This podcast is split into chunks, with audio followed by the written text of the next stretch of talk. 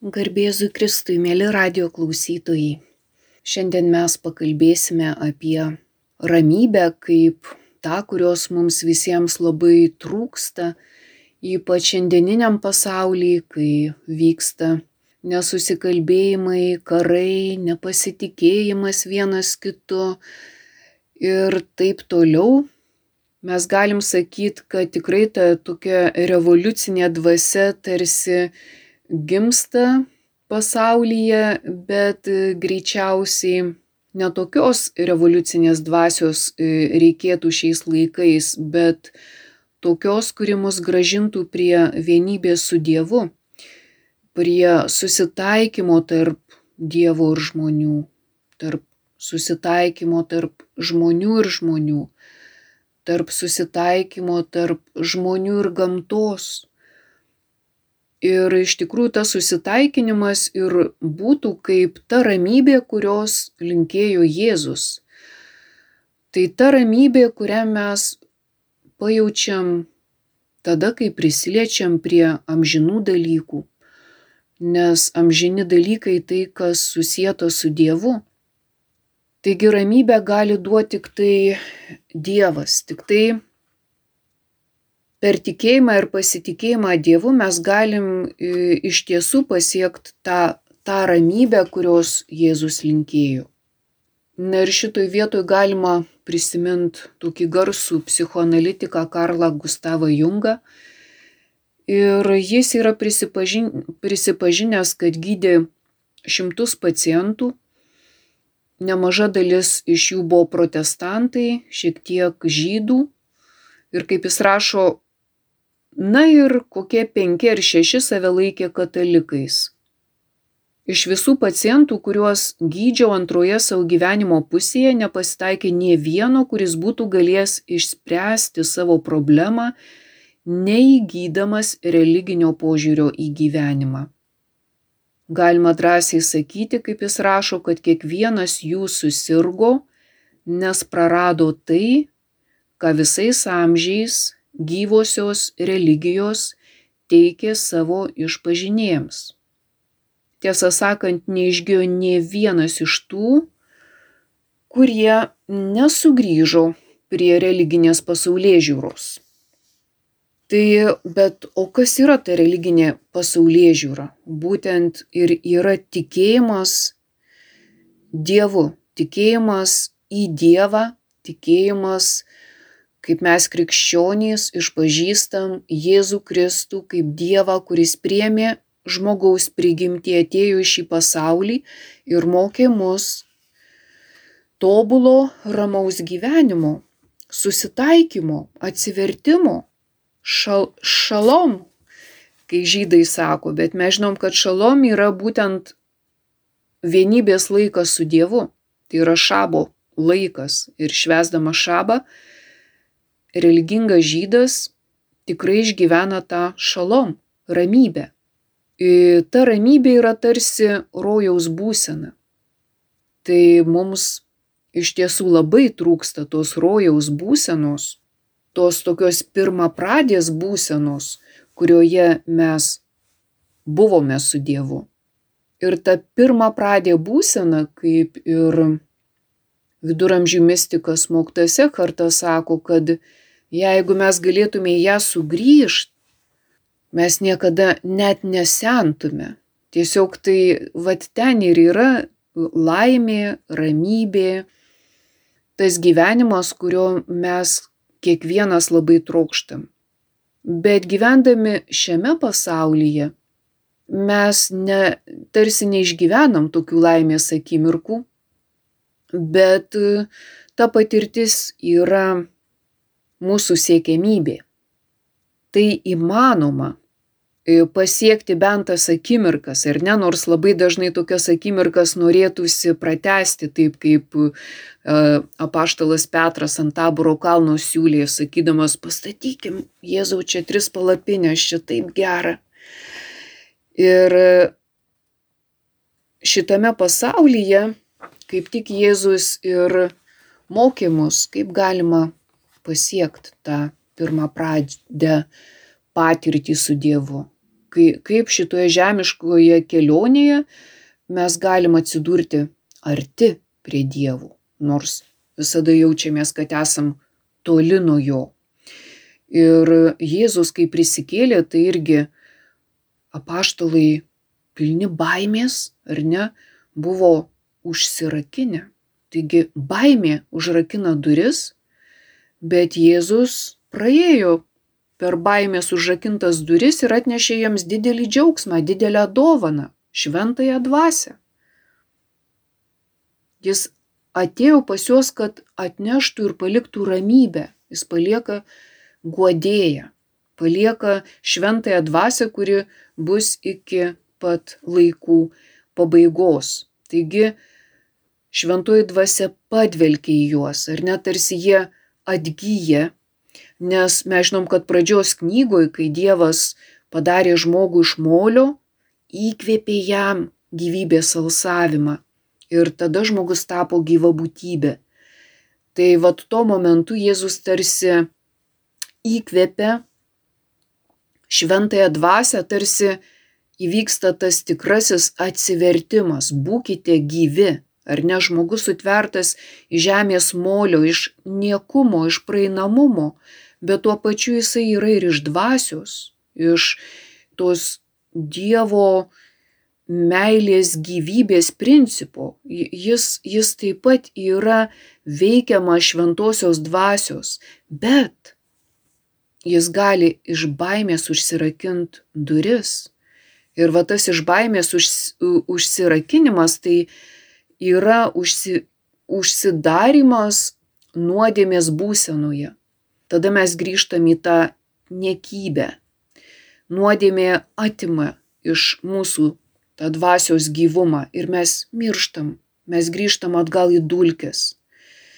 Ir dėl ko Jėzus vis sakė atsiverskite, kitaip tariant, tapkite naujais kūriniais, kad sugrįžtume iš tų dulkių. Ir Jėzus tarsi įkvėpė savo dvasę, dėl ko ir apaštalas Paulius sakė, būkime Kristaus dvasios, būkime Kristaus nusistatymo. Jis kalbėjo, kad būkime gyvi.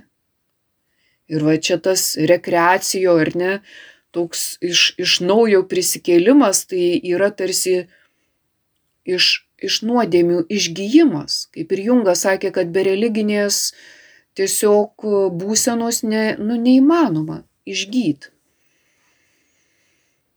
Tai yra tos ramybės išgyvenimas, susitaikymo.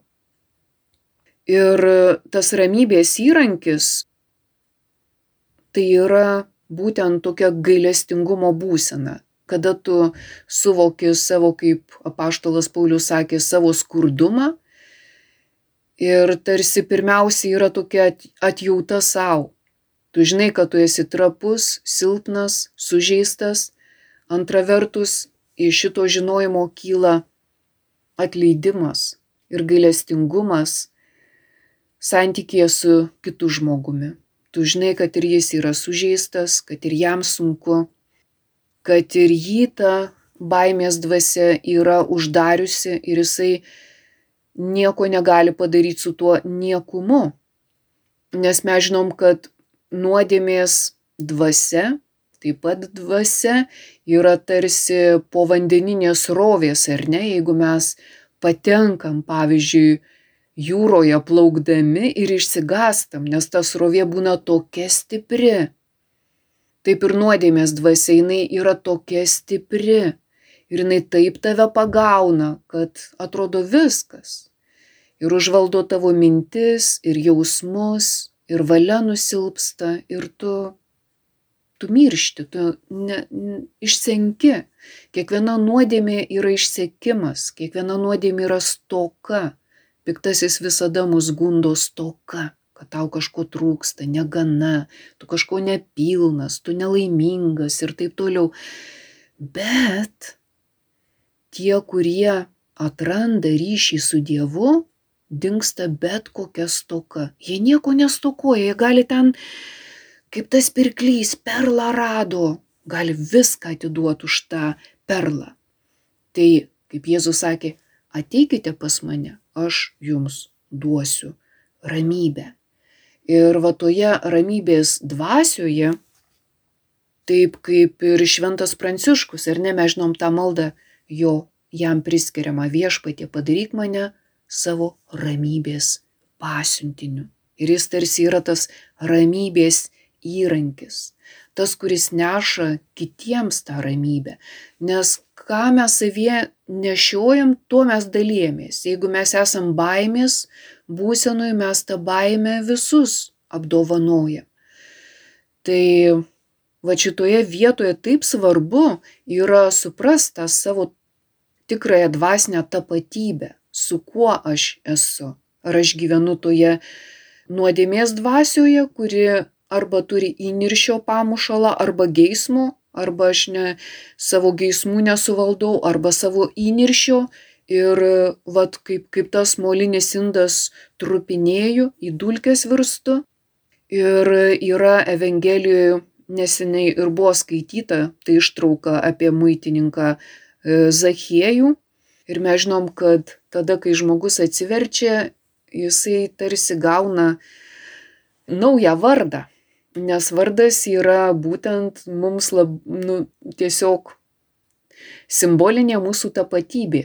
Bet mes žinom, kad kalbant apie Biblijoje aptinkamus vardus, mes žinom, kad jie pasikeičia. Pavyzdžiui, iš Abramo Abraomas, iš Jokūbo Izraelis, iš Simono Petras, iš Sauliaus Paulius. Kitaip tariant, atsivertęs žmogus jisai tampa iš esmės kitu, kitu asmeniu. Jis tampa būtent asmeniu. Tuo, kuris meta visas tas egoistinės struktūras ar ne nuo to aš, nuo to š nusijima karūną ir tampa asmuo. Nes egoisto rankos yra apsikabinę save. Asmens rankos yra ištiestos viena žmonėms, kita Dievui. Tai yra visiškai skirtingos laikysenos. Tai egoizmas yra būtent tas niekumas, kai mes grįžtam į dulkes. Taigi tas grįžimas į niekumą ir yra tokia nuodėmės pasiekmė, kai mes jaučiamės beverčiais, kai sako žmogus nejaučia savo vertės, tai tikrai tokia gili psichologinė e, drama. Bet kaip Jungas sako, jeigu tos religinės tapatybės savo gyvenime net kursi, tai kažin, ar, ar išsigydysi panašaus pobūdžio ligas. Taigi grįžtant prie muitininko Zachiejaus, matosi, kad jis sirgo panašia lyga. Kitaip tariant, e, Zachiejus greičiausiai buvo sugraikinta hebrajiško vardo forma. Ir Zachiejus reiškia švarus, nekaltas. Bet Zachiejaus atveju daugelį metų tai tikrai turėjo skambėti gana E, gana ironiškai, nes e, netoks jau švarusis ir buvo. Ir e, kodėl? Todėl, kad jis visiems buvo labai gerai pažįstamas dėl nešvarių pinigų darimo, kaip mes sakom. Nebuvo jisai toks švarus, kalbant apie jo sąžinę. Ir iš tikrųjų, kai Jėzus įžengė jo namus, įvyko perversmas, atsivertimas, išgyjimas. Jėzus surado tą avį, kuri buvo pasimetusi. Bet apie Zachijų kaip ten sakoma, kad jis sėdėjo pasislėpęs tarp šilkmedžio lapų, kai prakalbino Jėzus jį. Ir mes žinom kitą istoriją, Domas irgi pasislėpęs buvo E, po to, kai suvalgė, atsikando to obolio, kurį jam Jėva pasiūlė. Taigi matom, kad nuodėmė sukelia baimę, žmogus lepiasi nuo visų ir nuo savęs.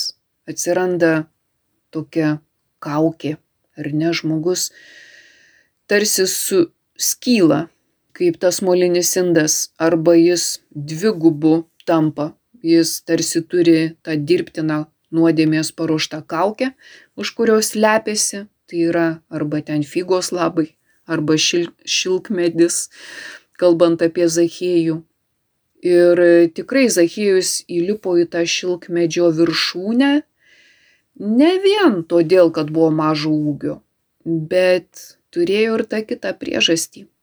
Ir ta priežastis buvo giliai giliai sieloje. Jis jautėsi tiesiog nusidėlis. Jis buvo tas Adomo sūnus. Jis jautė nuodėmę, stoką. Ir vis dėlto Jėzus jį pavadina Abraomo sūnumi. Ką tai reiškia? Abraomas yra tikėjimo tėvas. Tikėjimo tėvo sūnumi. Kitaip tariant, jį išgelbėjo tikėjimas. Ir Zachiejus, kaip ir Adomas ar ne, išgyja pirmiausiai nuo baimės. Nes nuodėmė, kuri sukelia baimę, tai, tai yra kitokia baimė negu, kaip sakoma, pagarbi Dievo baimė. Bet šita baimė gali gražinti prie Dievo. Ir iš tikrųjų, dėl ko jis yra Abraomo tikėjimo tėvo sūnus, nes kaip Abraomas irgi tarsi išvyko į nežinę, jis nežinojo, kur einas, kaip ten rašoma. Ir Zachiejus iš tikrųjų, kai jis leidosi nuo to šilkmedžio, jis nežinojo, kas bus su juo, jis nežinojo, kur eina. Tikėjimo veiksmas ir yra toks, tu atlieki šuolį į nežinę, tu nieko nežinai, kodėl mums taip sunku jį atlikti, nes mes įpratę visada viską žinot. Mūsų toks amžius, įsijungiai kompiuterį ir viską žinai. Tarsi žinojimas yra toks labai greitai atliekamas pažintinis veiksmas, ar ne, tu greitai gali įsiaiškinti dalykus, bet tikėjimas yra kitokio žinojimo rūšis tuomet, kai tu šoki į slėpinį, šoki į tamsą. Tu išvyksti nežinodamas, kur einas. Ir čia ir yra tas tikrasis pasitikėjimas.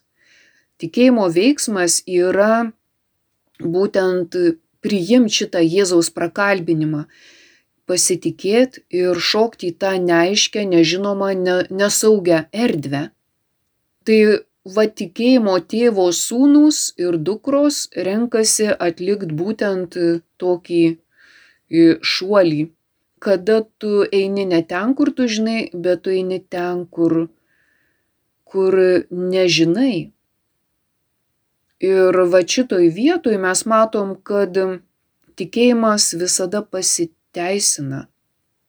Jėzus, kalbant apie Zachiejų, visiškai jam nieko nenurodinėjo, ar ne? Jisai tiesiog ateina pas jį namus, ateina pas jį į svečius, bet iš jo nieko nereikalauja.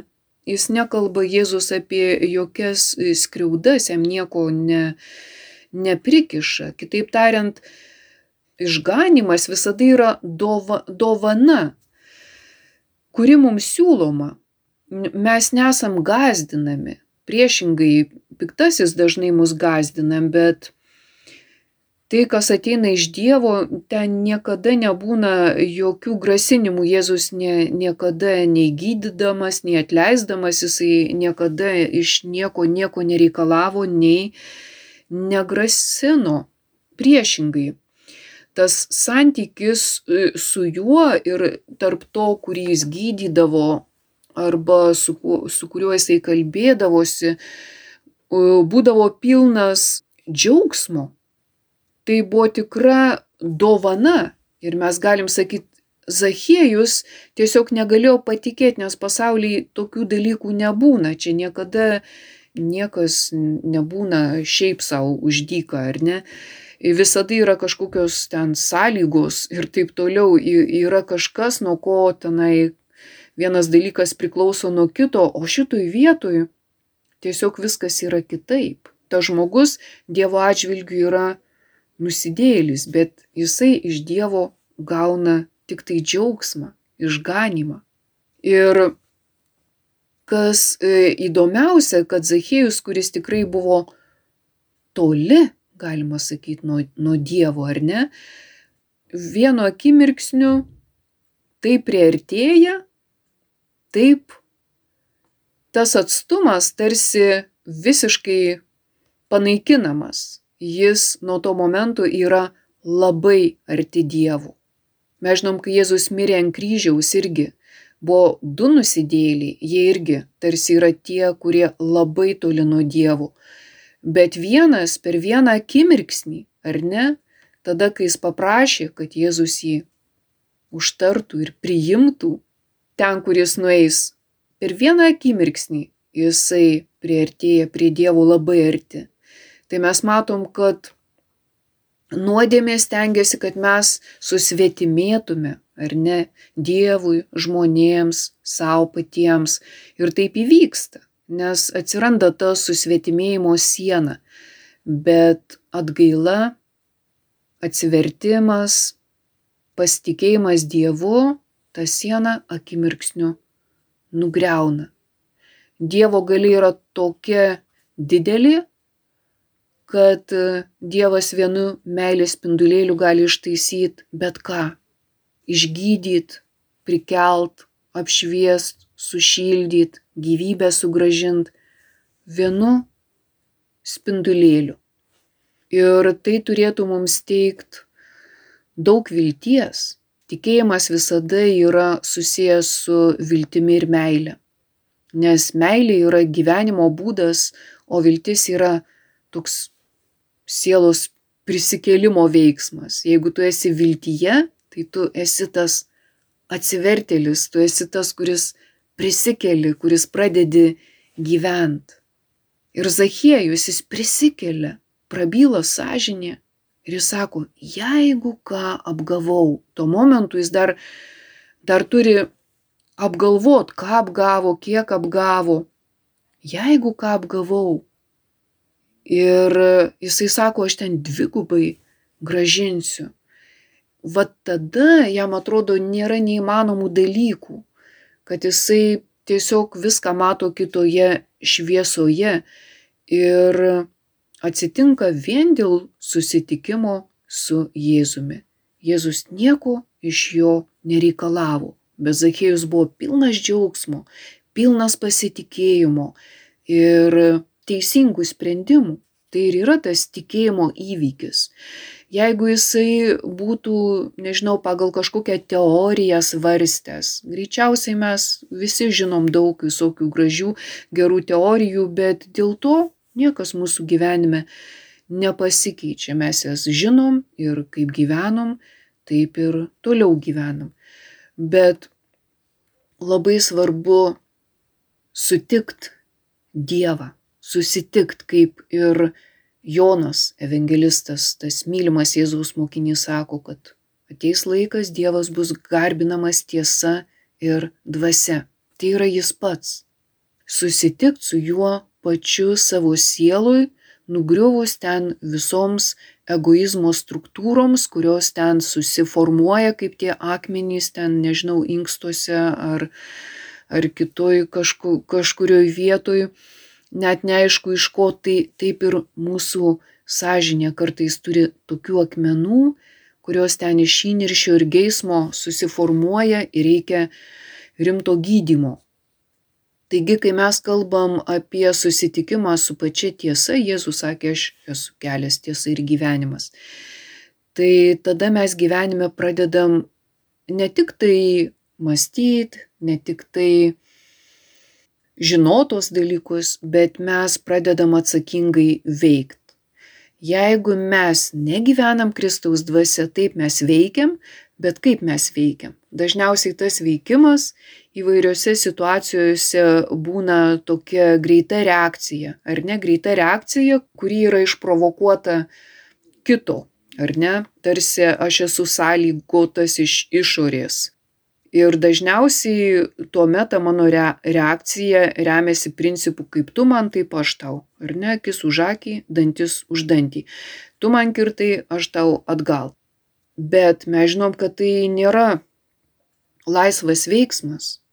Bet tai yra tokia nulemta reakcija, kurioje mes tarsi atpažįstam kiekvienas, e, visi panašiai veikiam. Būtent tokiu būdu.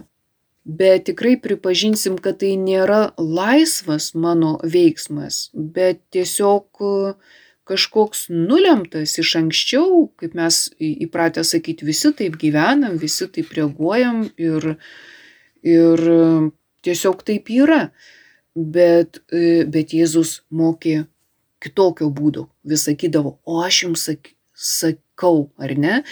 Anksčiau buvo akis už akį, dantis už dantį, o aš jums sakau, mylėkit ir savo priešus. Tai matom, kad e, jis kitaip formuoja tą pačią sąžinę, ją daro jautresnę, ją daro gailestingesnę.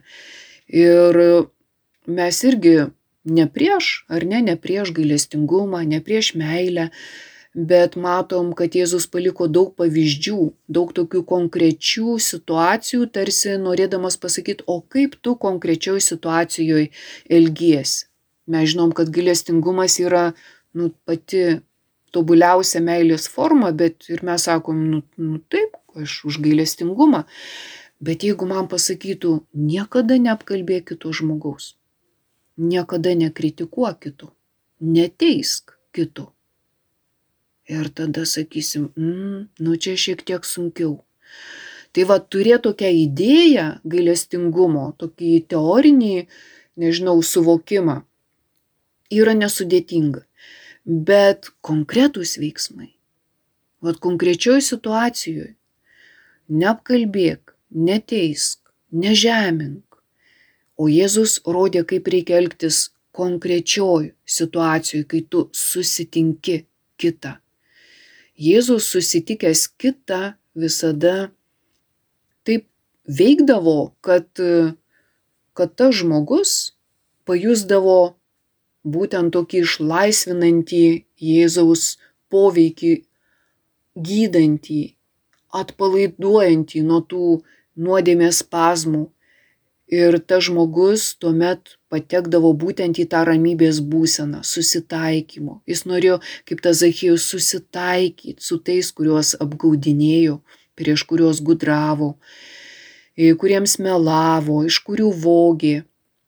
Tai iš karto atsiranda jo sieloj ramybė, susitaikymas, noras pakeisti, jeigu esu kažką nuskriaudęs dvigubai gražinsiu. Mes matom, kaip pasikeičia e, Zachėjaus siela, ar ne, tarsi jinai įvyksta tas vidinis išgydymas, kaip graikai sakydavo, katarsis. Jie tikėjo, kad menas gydo, muzika gydo, bet Jėzaus gydimas dar stipresnis. Ir šitoj vietoj mes galim ir daugiau prisiminti pasakojimų Evangelijoje, kad ir apie tą moterį, kuri irgi prisilietė prie Jėzaus apsausto, tiesiog jam nematant. Jis galvoja, jeigu paliesiu bent jo drabužį, būsiu išgelbėta. Ir jis irgo kraujoplūdžiu. Ir vat, kai prisilietė prie Jėzaus apsausto ir išgyju. Vienas momentas. Bet Jėzus paklausė, kas mane palėtė. Ir tada ją mokiniai atsakė, kad čia tiek daug žmonių, ar ne, kad bet kas galėjo čia prie tavęs prisiliest. Bet ta moteris pajuto, kad Jėzus viską žino. Ir tada išsigandus, išsigandus, pilna baimės, virpėdama, nes nežinau, kas bus toliau, pasako visą teisybę, kad čia ji prisilietė. O ką Jėzus atsako? Nesmerkia, nesibara, nežemina, bet sako, dukra, tavo tikėjimas išgelbėjo tave. Eik rami, eik rami, būk ramybėje.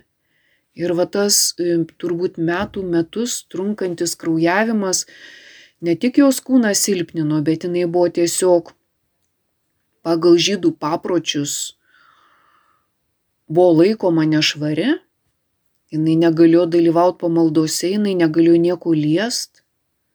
Ir va tas prisilietimas prie Jėzaus buvo labai rizikingas, nes jinai pagal tuos papročių žydų, prie ko prisiliečia, tą padaro nešvariu, bet jinai anonimiškai, ar ne, pasislėpus, išsigandus vis dėlto prisiliečia.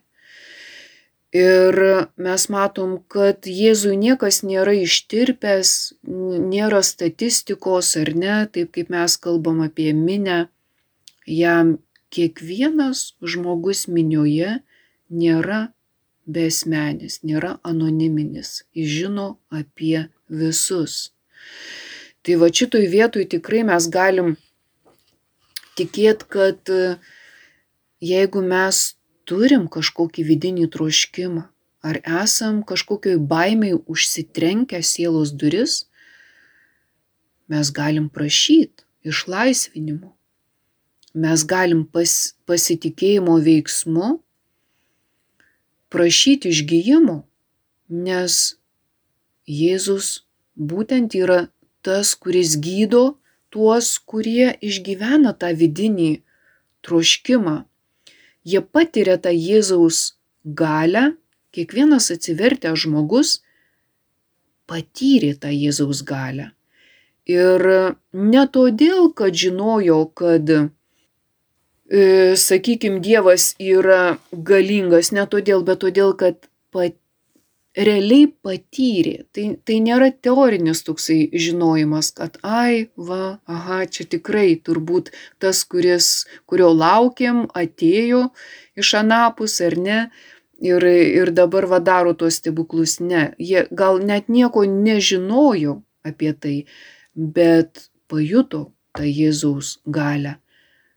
Ir patyrė, pajuto ne taip kaip rašto aiškintojai, bet, bet tą tikrą Jėzaus galę. Taip ir čia mes e, susitikime su Jėzumi turėtume patir būtent jo veikimo galę. Ne atpažint, kad, aha, jo ten skaičiau ir greičiausiai, kad turėtų tai būti, ne apie tai kalba eina. Mes žinom, kad visi, kurie šventieji, kurie patyrė Dievo artumą, jie, jie tikrai ten ne teorijas atkartojo, ne kažkokias nušlifuotas teologinės savokas, bet dažniausiai tai būdavo tokie šūksniai vidiniai, net paskalis, kuris išgyveno ekstazę, pirmi žodžiai yra džiaugsmas, džiaugsmas, džiaugsmo ašaros. Mes žinom, kaip Marija Magdalietė pamatė Jėzų prisikėlusi rabūnė.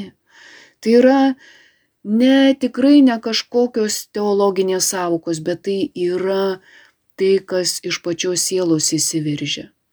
Taip ir tie, kurie patiria tikrą vidinį išgyjimą, atsivertimą, jų viduje panašiai kažkas įvyksta. Nėra tokių teorijų, nėra tokių savokų.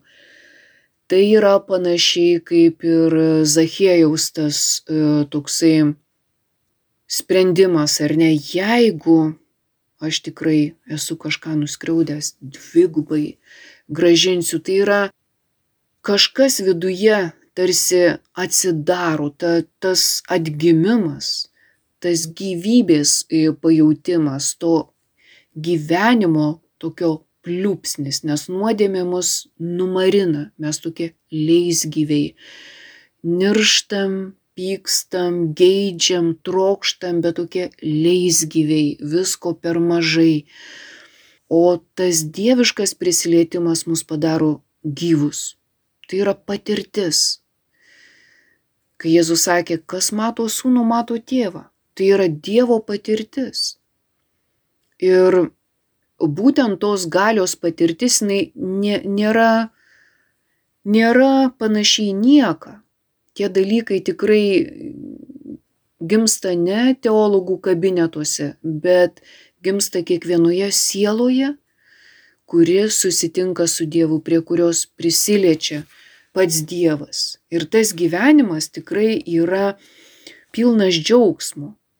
Kai mes galvojam, kad atsivertėlis tai skęsta vien tik tai giliausiose nuoskaudose, bet iš tikrųjų taip, dauguma šventųjų, tie, kurie buvo apšviesti, ten gamtinė šviesa, jie matė tą tikrą sielos būseną ir kiekviena ten, nežinau, nuodėmės dulkelė jiems atrodė tokia, tokia baisi ir tokį liūdėsi kelianti, bet iš kitos pusės jie išgyveno būtent tą vidinę ramybę, kurią gali suteikti tik tai Dievo prisilietimas. Ir kaip ir Jėzus kalno pamokslė irgi sako, palaiminti liūdintys, va tie, kurie suvokia tą savo vidinę būseną, bet jie bus paguosti, jie, jie išgyvens tą paguodą, ramybę ir tą vidinį džiaugsmą. Taigi, tikrai skaitant tą Zachėjaus atsivertimą, ten nėra jokios užuomenos apie kažkokį prislėgtumo jausmą ar kaip mes įsivaizduotume, bet priešingai. Kaip jis sako, pusę turtų išdalinsiu vargšams, ten visiems apgautiems atsilyginsiu, dvigubai, keturgubai, jis yra euforijoje. Jis atranda būtent tą paslėptą lobį. Ir iš džiaugsmo jis gali atiduoti viską, kad tik tai tą lobį galėtų įsigyti. Toks indų jėzuitas Antoni de Melio sako taip, kad tuomet, kai Dievas prisiliečia prie mūsų, atsiranda tokia didelė pasitikėjimo ir atleidimo gale, kurios dėka mes galime prarasti visus savo priešus. Kitaip tariant, tai kaip pazakėjo, atsiranda toks, toks džiaugsmas, toks entuzijazmas, tokia šviesa, kur dinksta tas nepasitikėjimas kitais žmonėmis ir jis būtent tas Demelio sako, kad apskritai nepasitikėjimas, nepasitikėjimas Dievu yra būtent nuodėmė prieš šventąją dvasę. Nes dažnai žmonės klausia, kas yra ta nuodėmė prieš šventąją dvasę. Nesakoma, kad visos nuodėmės bus atleistos, bet prieš šventąją dvasę ne. Tai jisai paaiškina, kad būtent tas nepasitikėjimas Dievu ir yra ta nuodėmė prieš šventąją dvasę. Bet dažniausiai, kai mes ne, nepasitikime Dievu, išvertus netikime Dievu, mes netikime žmonėmis, mes jais nepasitikim, mes jų nemylim, mes neturim gyvenime vilties ir mes negyvenam tikėjimu, o skęstam įdose, nuodėmėse ir stokoje, kitaip tariant, kančioje, nes kančia yra stoka, kai mes kenčiam, mus kažko trūksta. Neturim sveikatos, tai yra sveikatos trūkumas. Nuodėmė sukelia džiaugsmo trūkumą ir taip toliau. Ir matom, išgyjus iš tų vidinių lygų, mūsų aplanko ramybė ir džiaugsmas. Tai va tada tas džiaugsmas ir sukelia tą entuzijazmą, euforiją, dėku, dėkingumą už viską. Už viską. Nusidėlis jis negali dėkoti už nieką. Jis apskritai gerų dalykų nemato. O mato vien tik tai, kai kalbam stoką. Tai yra būtent piktosios dvasios veikimas. Bet Jėzaus dvasios veikimas atneša į mūsų sielą ramybę ir džiaugsmą. Ir kaip būtent tas indų jėzuitas Demelio sako, nepat, nepasitikėti Dievu yra nuodėmė prieš šventąją dvasę. Tai vad, kai Jėzus sako, o aš jums sakau, mylėkite, ar ne, priešus, ką tai reiškia? Tai reiškia, kad neužtenka sustabdyti, sakykime, tą keršto dvasę, kaip tu man, taip aš tau, dantis už dantį, akis už akį, negana. Iš tiesų reikėtų įsivesti kitą taisyklę, kaip Dievas man, taip aš tau. O kaip Dievas man? Vėlgi, Evangelijoje skaitom, o kągi tu turi ko nebūtum gavęs. Tai va šitoj vietoj tikrai pasitikėkim Dievu, kuris viską mums duoda, viską atleidžia ir kaip Dievas man, taip aš kitiems. Ir jeigu Dievas su manim toks kantrus, kodėl man nebūt kantriam su kitais žmonėmis? Jeigu Dievas gali aukotis dėl manęs, kodėl aš tai bijau aukotis dėl kitų? Taigi pasitikėkim Dievu, nedarykim tos nuodėmės prieš šventąją dvasę ir gyvenkim tą gražią taisyklę. Kaip Dievas man, taip aš tau. Ačiū uždėmesį. Su Dievu. Kalbėjo daktarė Bronė Gudaitytė. Likite su Marijos radiju.